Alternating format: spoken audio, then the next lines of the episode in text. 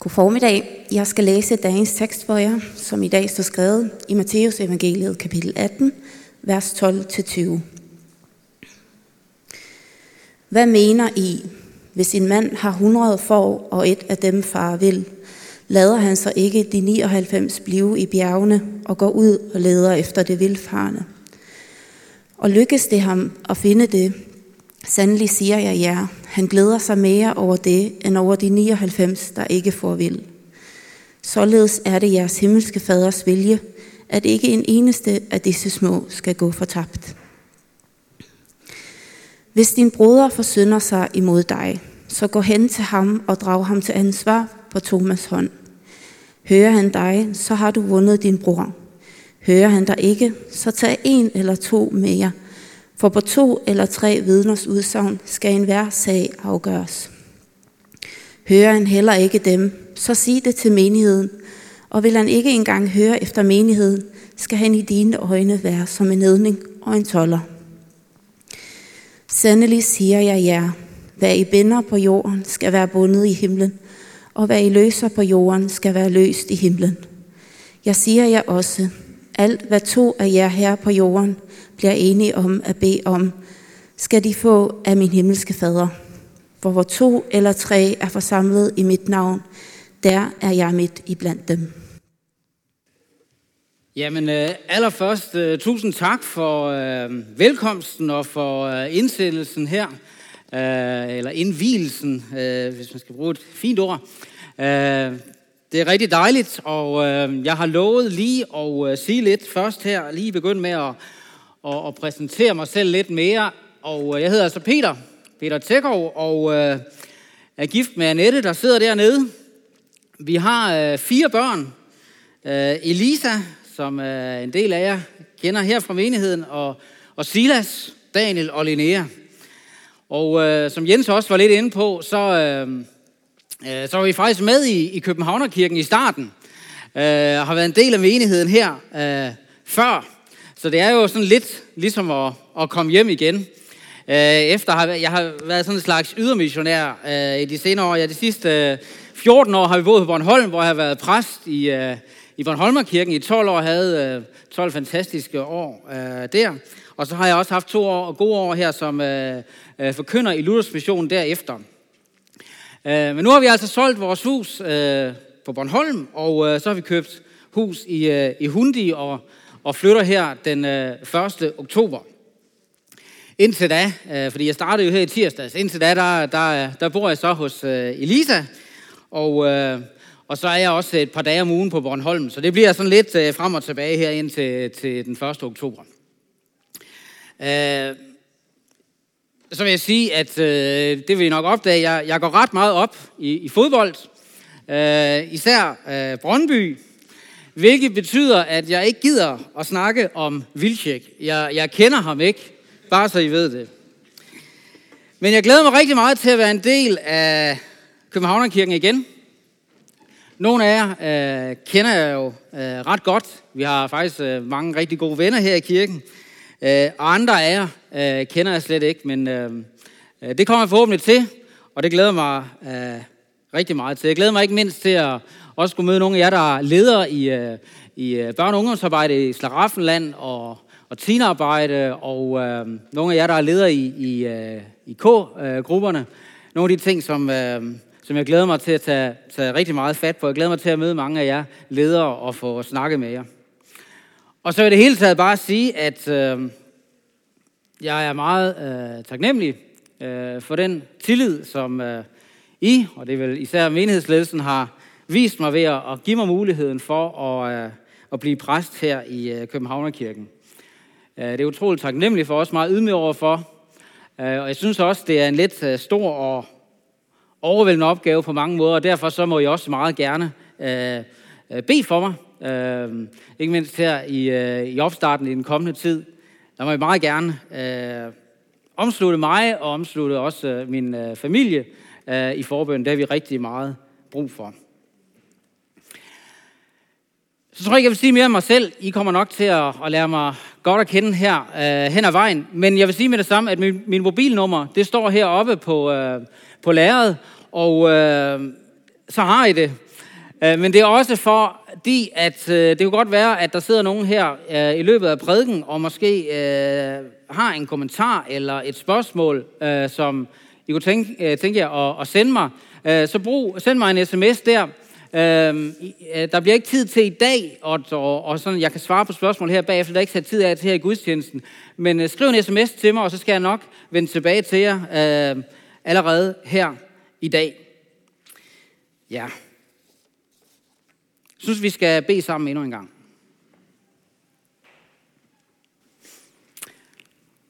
Jesus, jeg takker dig, fordi at øh, du er midt i blandt os lige nu.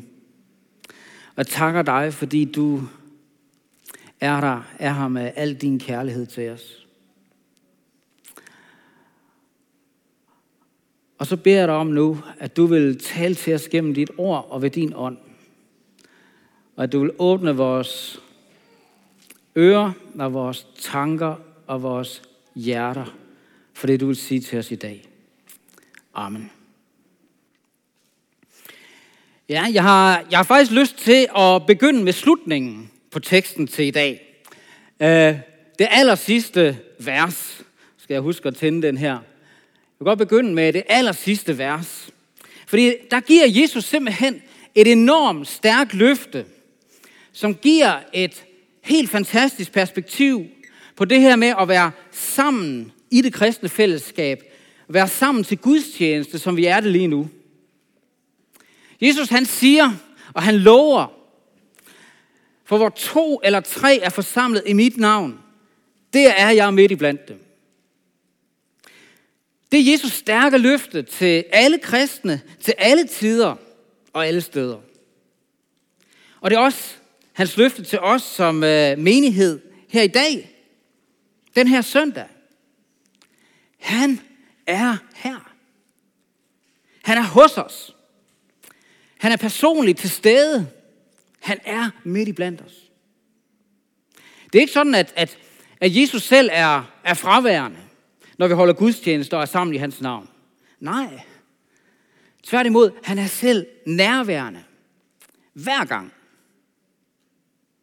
Og for min egen del, øh, der kan jeg næsten ikke forestille mig et, et bedre løfte at blive mindet om, netop på den her dag, hvor jeg skulle indsættes som præst i Københavnerkirken. Altså jeg er selvfølgelig glad for, at Claus han er her, og jeg er glad for, at Nette er her, min, min far og mor er her, og glad for, at alle de andre er her, ikke også? Men altså, frem for alt, så er jeg bare blevet så glad for det her, at Jesus han er her. Og det er frem for alt det, som gør det så stort, og gør det så stort og fantastisk at være sammen i Jesu navn. Være sammen i det kristne fællesskab. Være sammen i fællesskabet om Jesus. At Jesus selv er midt i blandt os. Jeg synes, det giver et helt fantastisk perspektiv over at være sammen til Guds tjeneste, være sammen i, i Slaraffenland, være sammen til Café K, være sammen i K-grupper osv. Og som, om det bare skulle være to eller tre. Jesus er midt i blandt os. Det slog mig faktisk, da jeg, da jeg forberedte øh, min, øh, min prædiken til i dag. Øh, det var, det var, vi var i gang med en gennemgang af Matteus evangeliet. Og Matteus evangeliet, det begynder med, at Jesus så at sige, så at sige bliver præsenteret med navnet Immanuel. Gud med os. De skal give ham navnet Immanuel. Det betyder Gud med os. Jesus han er i egen person den her Gud med os. Så begynder Matthæus evangeliet. Og Matthæus evangeliet slutter med, at denne Jesus, som er Gud med os i egen person, han siger til sine, til sine disciple, jeg er med jer alle dage indtil verdens ende. Det er begyndelsen, og det er slutningen på Matteus evangeliet. Og så der midt imellem, og lidt i familie med det her, Gud med os, jeg er med jer tema. Der finder vi altså også det her løfte om, at Jesus på en, på en særlig måde vil være med os, hos os, midt i blandt os, når vi samles i hans navn, samles i det kristne fællesskab. Det betyder måske ikke nødvendigvis, at vi altid mærker, at han er her. Nogle gange, så gør vi det, synes jeg. Men det betyder, at han virkelig er her, uanset om vi så mærker det eller ej. Og det er det afgørende. Jesus er selv midt i blandt os. Han er nærværende. Jesus er nærværende lige nu med sin ånd. Han er nærværende i sit ord. Han er nærværende i sakramenterne, i, i dåben, som vi oplevede det lige før. Han er nærværende i nadveren. Det er ikke for ingenting, at vi i nadverbønden, vi bruger, beder til Jesus og siger, du som selv er til stede i blandt os med al din kærlighed. Jeg elsker den bøn. Du som selv er til stede i blandt os med al din kærlighed. Det er ikke, det er ikke bare tomme, fromme ord. Det er indholdsrige og sande og virkelige ord. Jesus er her virkelig. Og han er her med al sin kærlighed. Og derfor så vil jeg også gerne benytte anledningen her i dag til at, at opmuntre og ja, opfordre til, at, at vi prioriterer det her med at være med. At være med, når vi samles til gudstjeneste i det store fællesskab her, og, og være med, når vi samles i de små forskellige fællesskaber, vi har i Københavnerkirken. Fordi Jesus, han har lovet at være der, og så er det godt at være der. Jeg ved godt, at, at det har været svært at, at samles her i, uh, i coronatiden. Og der er stadig forskellige retningslinjer, som ja, gør det hele lidt mere besværligt end normalt. Og for nogle af os, der tror jeg måske, der kan det godt være lidt svært, det her med rigtig at komme i gang igen, og, og komme afsted til gudstjenester og k-grupper osv. Men jeg vil gerne sige, lad os tilskynde og hjælpe hinanden til det, så meget som muligt. Og jeg vil også gerne sige til, til dig, hvis, der er andre i menigheden, du tænker og du fornemmer, de har brug for lidt hjælp til det her med at, at komme med igen, så ræk dem en hånd.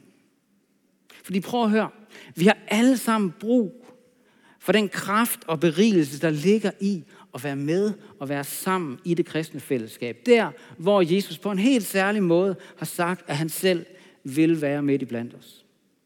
Der er simpelthen en åndelig kraft og berigelse og opbyggelse af troen i det at være sammen som kristne, som ikke på samme måde kan ske hver for sig. Det kan det ikke. Øh, da den øh, kendte engelske teolog og øh, prædikant John Stott, han døde for nogle år siden, der, der så jeg en video med ham, som var optaget i et, et interview sådan relativt kort tid før han døde, hvor han blev spurgt om, hvad der havde haft størst betydning for hans åndelige liv. Og det gjorde det stærkt indtryk på mig. Han sagde, at intet havde haft større åndelig betydning for ham at være kilde til større glæde og berigelse for hans tro, end det at være med i den fælles gudstjeneste sammen med andre kristne. Intet. Og jeg tror, det hænger sammen med det, som øh, en anden kendt teolog, Dietrich Bonhoeffer, han har sagt, at Kristus i din brors mund er stærkere end Kristus i dit eget hjerte. At det han mener med det, det er jo, at ja, Kristus, han bor ved troen i dit hjerte, men, men troen er ofte svag og skrøbelig. Men det styrker troen. Det styrker troen, når en kristen bror eller søster så fortæller dig og minder dig om Jesus igen og igen. Det har jeg selv oplevet mange gange. Måske særligt i øh, sådan personlige, åndelige tørketider. Der må jeg bare sige, der har det kristne fællesskab. Det her med at, at dele evangeliet med hinanden. Lovsynge sammen, bede sammen. Det har været som en oase for min tro.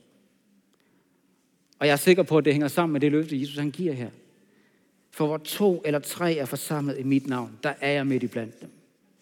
Så lad os prioritere at være med der. Nu vil vi så ligesom vende os til øh, det tema, som øh, vi har fået for, for prædiken i dag. Faret vild. Det er jo et tema, som Jesus selv tager op i, øh, i begyndelsen af teksten, vi fik læst op før, i lignelsen om øh, det her ene får, der far vild. Og det er et alvorligt tema, fordi det handler om det her med at være på vej væk fra troen på Jesus. Og være i fare for at, at falde fra troen på ham. Og i værste fald ende med at gå fortabt. Prædiken i dag, det er, jo, øh, det er jo også anden del af den her lille serie, som vi har kaldt Alvorlig Tale. Claus han havde den første del sidste, sidste søndag, hvor, hvor Jesus i, i, i, øh, i versene umiddelbart forinden taler meget klart og tydeligt om, at fortabelsen er en virkelighed og en mulighed for os alle. En mulighed, som han vil advare os imod, fordi han elsker os og ikke ønsker det for en eneste af os. Og nu i teksten i dag, der fortsætter Jesus så sin alvorlige tale med at sætte ord på den her situation, hvor en kristen ligesom far vild, er på vej væk fra Jesus, og i far for at falde fra troen, hvis det der ikke allerede er sket. Og jeg vil gerne sige, at det her med frafald, det er en reel mulighed for enhver kristen. Nogle gange så sker det ret, ja, ret åbenlyst og synligt, at, at en, der har troet på Jesus og, og levet med Jesus og været med i det kristne fællesskab, pludselig frasiger sig troen og, og ikke længere vil kalde sig en kristen og vender alt det med Gud og Jesus og kirken ryggen. Andre gange, så sker det meget mindre åbenlyst og mere sådan skjult og usynligt. Man er måske endda stadig med i det kristne fællesskab. Sådan et ydre. Men selve troen på Jesus i hjertet, den har man mistet. Man lever ikke længere med Jesus i sit liv. Men hvad enten det sker øh, synligt eller mere usynligt, så er frafald en reel fare og mulighed for enhver kristen. Og det sker desværre alt for ofte. Måske er det også sket, eller ved at ske for nogle af os her i dag. Jeg vil gerne sige, at Jesus han har noget vigtigt. Noget, som virkelig ligger ham på hjerte at sige til os, sige til dig og mig om det. Og det allervigtigste, Jesus han har at sige til os om det, det er det her. Således er det jeres himmelske fars vilje, at ikke en eneste af disse små skal gå fortabt. Det er det, der er hans pointe med, med lignelsen om øh, det vildfarende får. Eller det, det plejer vi i hvert fald ofte at kalde den. Men vi burde egentlig snarere kalde den lignelsen om hyrden og det vildfarende får. Uh, vi har den her, ikke også? Uh, fordi fokus, fokus i lignelsen, er faktisk ikke først og fremmest på det vildfarende får, men først og fremmest på, på manden, på hyrden, der går ud for at, at lede efter det ene får, der er far vild. Og som, hvis det lykkes ham at finde det igen, glæder sig endnu mere over det ene får, end over de 99, der ikke får vild. I hvert fald i det øjeblik, han finder det. Det er hyrden, Jesus først og fremmest vil, at vi skal fokusere på. Fordi Jesus bruger hyrden som et billede på Gud, på vores far i himlen. Og så siger Jesus, altså indtrængende, således er det jeres himmelske fars vilje, at ikke en eneste af disse små skal gå fortabt. Prøv at høre. Jesus han er midt i blandt os i dag. Og i dag der vil han gennem sit ord minde os alle sammen om den her sandhed og den her virkelighed. Der er en ting, som øh, jeg er så glad for, at Jesus og, og Bibelen i øvrigt understreger meget, meget stærkt og meget, meget klart. Og det er, hvad Gud vil, og hvad Gud ikke vil. Gud vil, at alle mennesker skal frelses. Og Gud vil ikke, at noget menneske skal gå fortabt. Og jeg vil gerne sige, og Gud vil heller ikke, at du som er faret vild, og så komme, som er kommet bort fra Jesus, og er faldet fra troen, og har vendt Gud ryggen igen, Gud vil ikke, at du skal gå fortabt. Måske kan du have den tanke, at Gud han har fået nok. Gud han har fået nok af mig. Eller hvis Gud er der, så vil han mig nok ikke længere. Nu har han opgivet mig, og så prøver han sikkert med nogle andre. Men sandheden er, at, at Gud vil stadig dig 100% 1000% Og sandheden er, at du er umistelig for ham. Og sandheden er, at det vil være hans største glæde, hvis det lykkes ham at finde dig og vinde dig igen. Vinde dit hjerte, så du finder tilbage til troen på Jesus. Når Jesus her bruger billedet om hyrden, der går ud for at lede efter og for at finde det vildfarende for og siger, således er det jeres himmelske fars vilje, at ikke en eneste af disse små skal gå fortabt. Når Jesus siger det, så er det også dig, han taler om. Det er også dig, han taler til. Men læg mærke til, at Jesus han siger, og lykkes det ham at finde det? Spørgsmålet er, vil det lykkes for ham? Det er som Jesus antyder, at, at det ikke er sikkert, at det lykkes for ham. At det ikke er altid, det lykkes for ham. Og det er smerten i det her. Men en ting gør Jesus helt klart, og det er, at hvis det ikke lykkes, så er det ikke fordi Gud ikke vil. Så er det fordi du eller jeg ikke vil. Gud vil din og min frelse. Og Gud vil ikke, at den eneste af os skal gå for tomt. Det vil han ikke. Og det gælder uanset hvem vi er. Det gælder også for dig, som måske aldrig har været en kristen, og som har levet hele dit liv uden nogen tro på Jesus. Jesus han bruger faktisk billedet om øh, hyrden her, der går ud for at lede efter det får, han har mistet. Det bruger han faktisk på, på to lidt forskellige måder, i to lidt forskellige kontekster. Her i Matthæus 18, der bruger han det en sammenhæng, der handler om mennesker, der er ved at falde fra troen.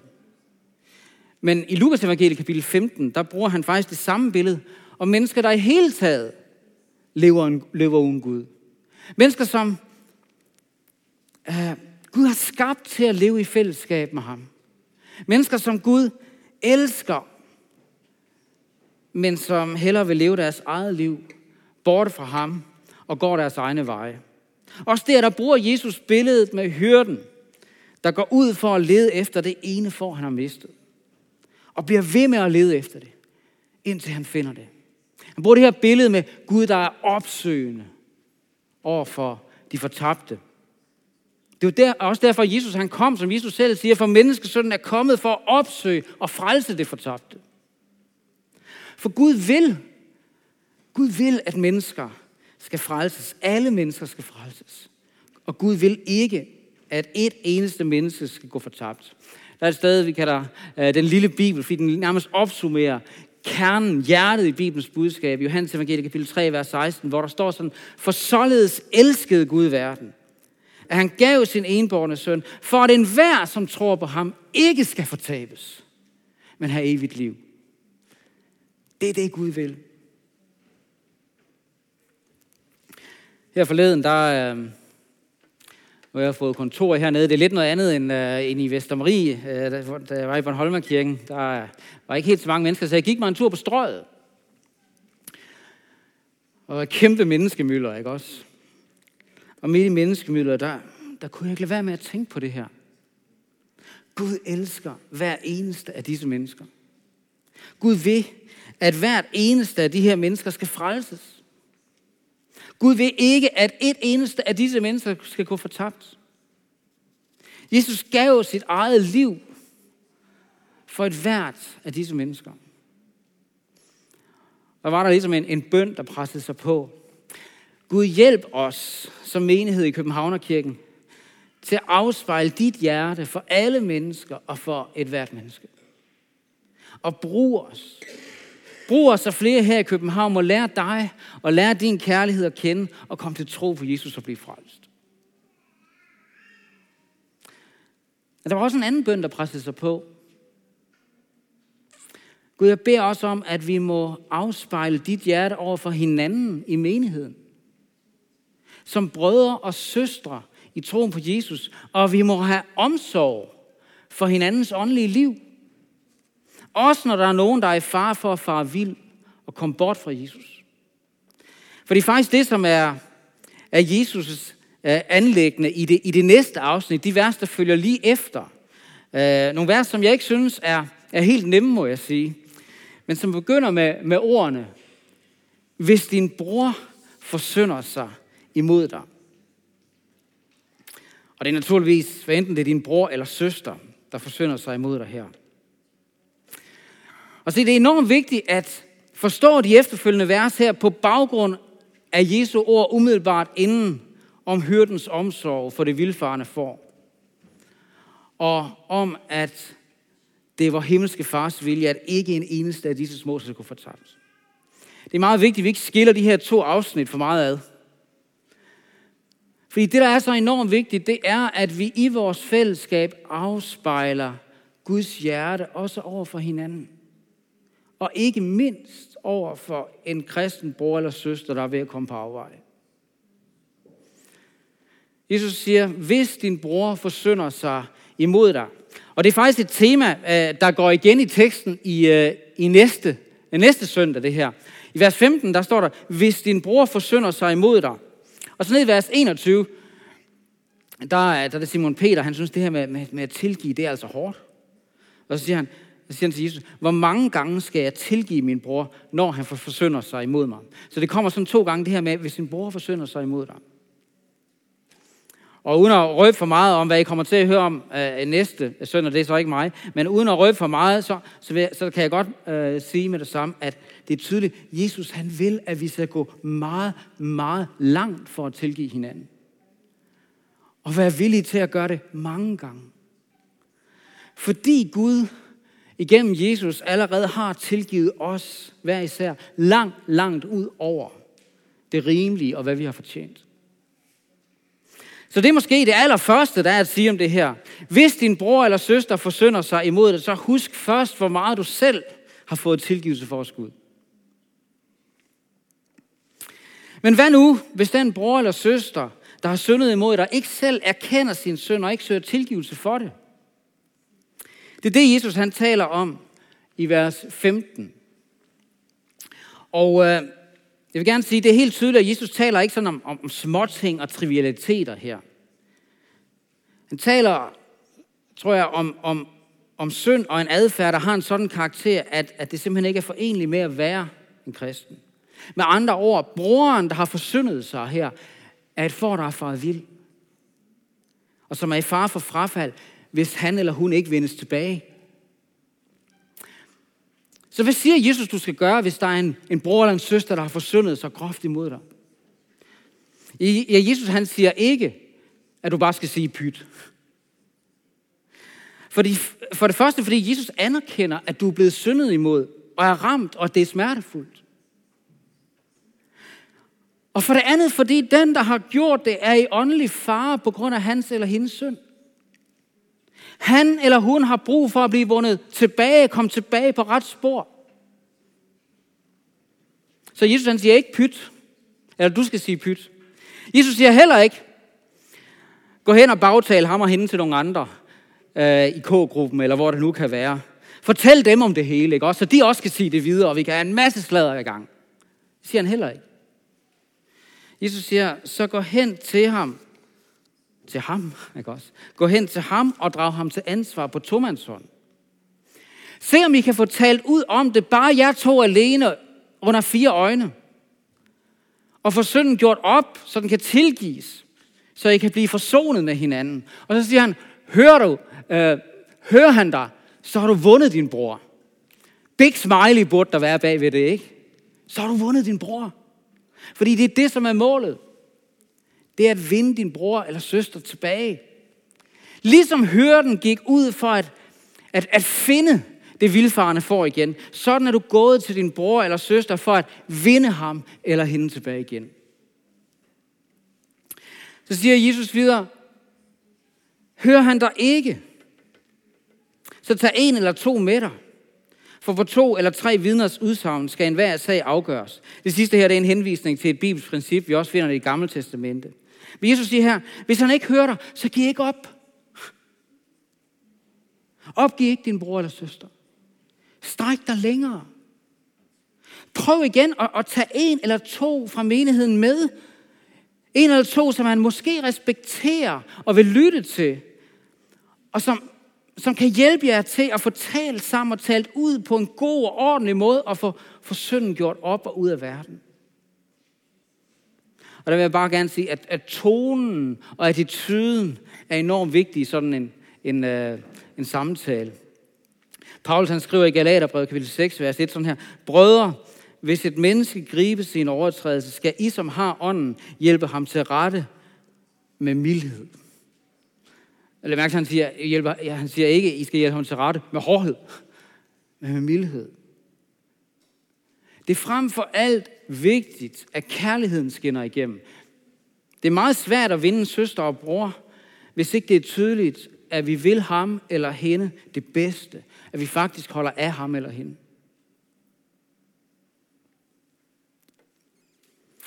Så siger Jesus videre.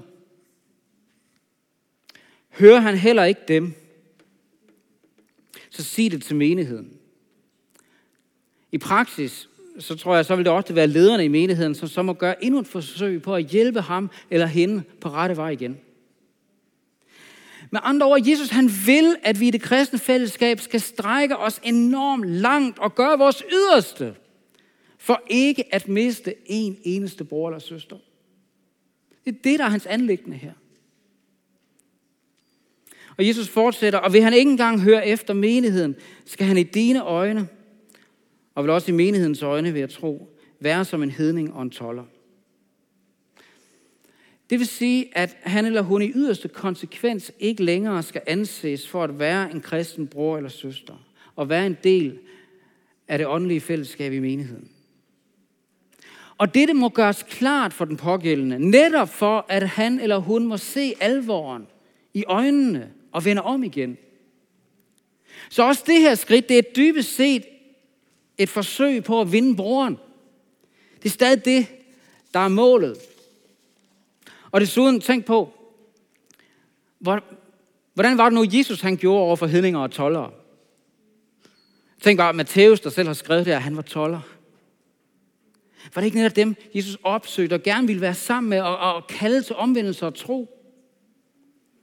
Så jeg tror, det Jesus han mener her, det er, selvom I ikke længere er brødre og søstre, og menighedsfællesskabet er brudt, så bliv ved med at forsøge at vinde ham eller hende tilbage. Fordi det er stadig jeres himmelske fars vilje, at ikke en eneste af disse små skal gå for tabt. Ikke en eneste. Så siger Jesus videre, sandelig siger jeg, hvad I binder på jorden skal være bundet i himlen, og hvad I løser på jorden skal være løst i himlen.